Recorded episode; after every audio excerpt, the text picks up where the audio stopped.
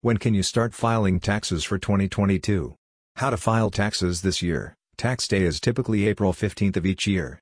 For 2022, however, taxes must be postmarked or electronically submitted no later than midnight of April 18, 2022. Let's look at the complete process of file taxes in the year 2022.